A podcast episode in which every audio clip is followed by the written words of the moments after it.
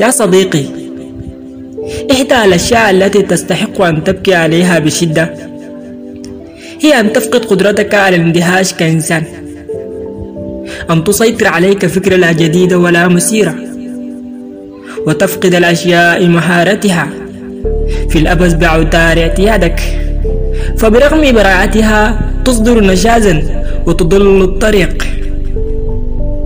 المريب يا صديقي أن تفرط في الاعتياد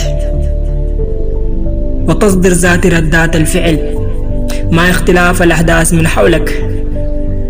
أن لا تعبأ بمعلومة جديدة ولا يستضعف فضولك إضافة أو نقص.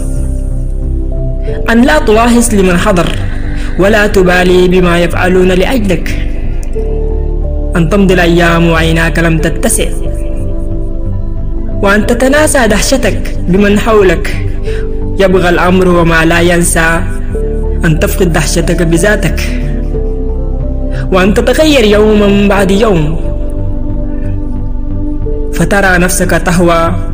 ولا ناقوس خطر يخرع أو ترى نفسك تعلو. ولا ضجيج تصفيق يرتفع. ادرك أن حلاوة الأحداث تضع وسط مرارات الحياة. بذات الطريقة التي تمنح بها هبيبات سكر صغيرة نفسها لكوب قهوة محترقة البن. فيابى إلا أن يكون مرا. ولكن يبقى السر في عمق تذوقك يا صديقي امضغ الأشياء متأنيا. واغرق اللحظات بلعاب التأمل.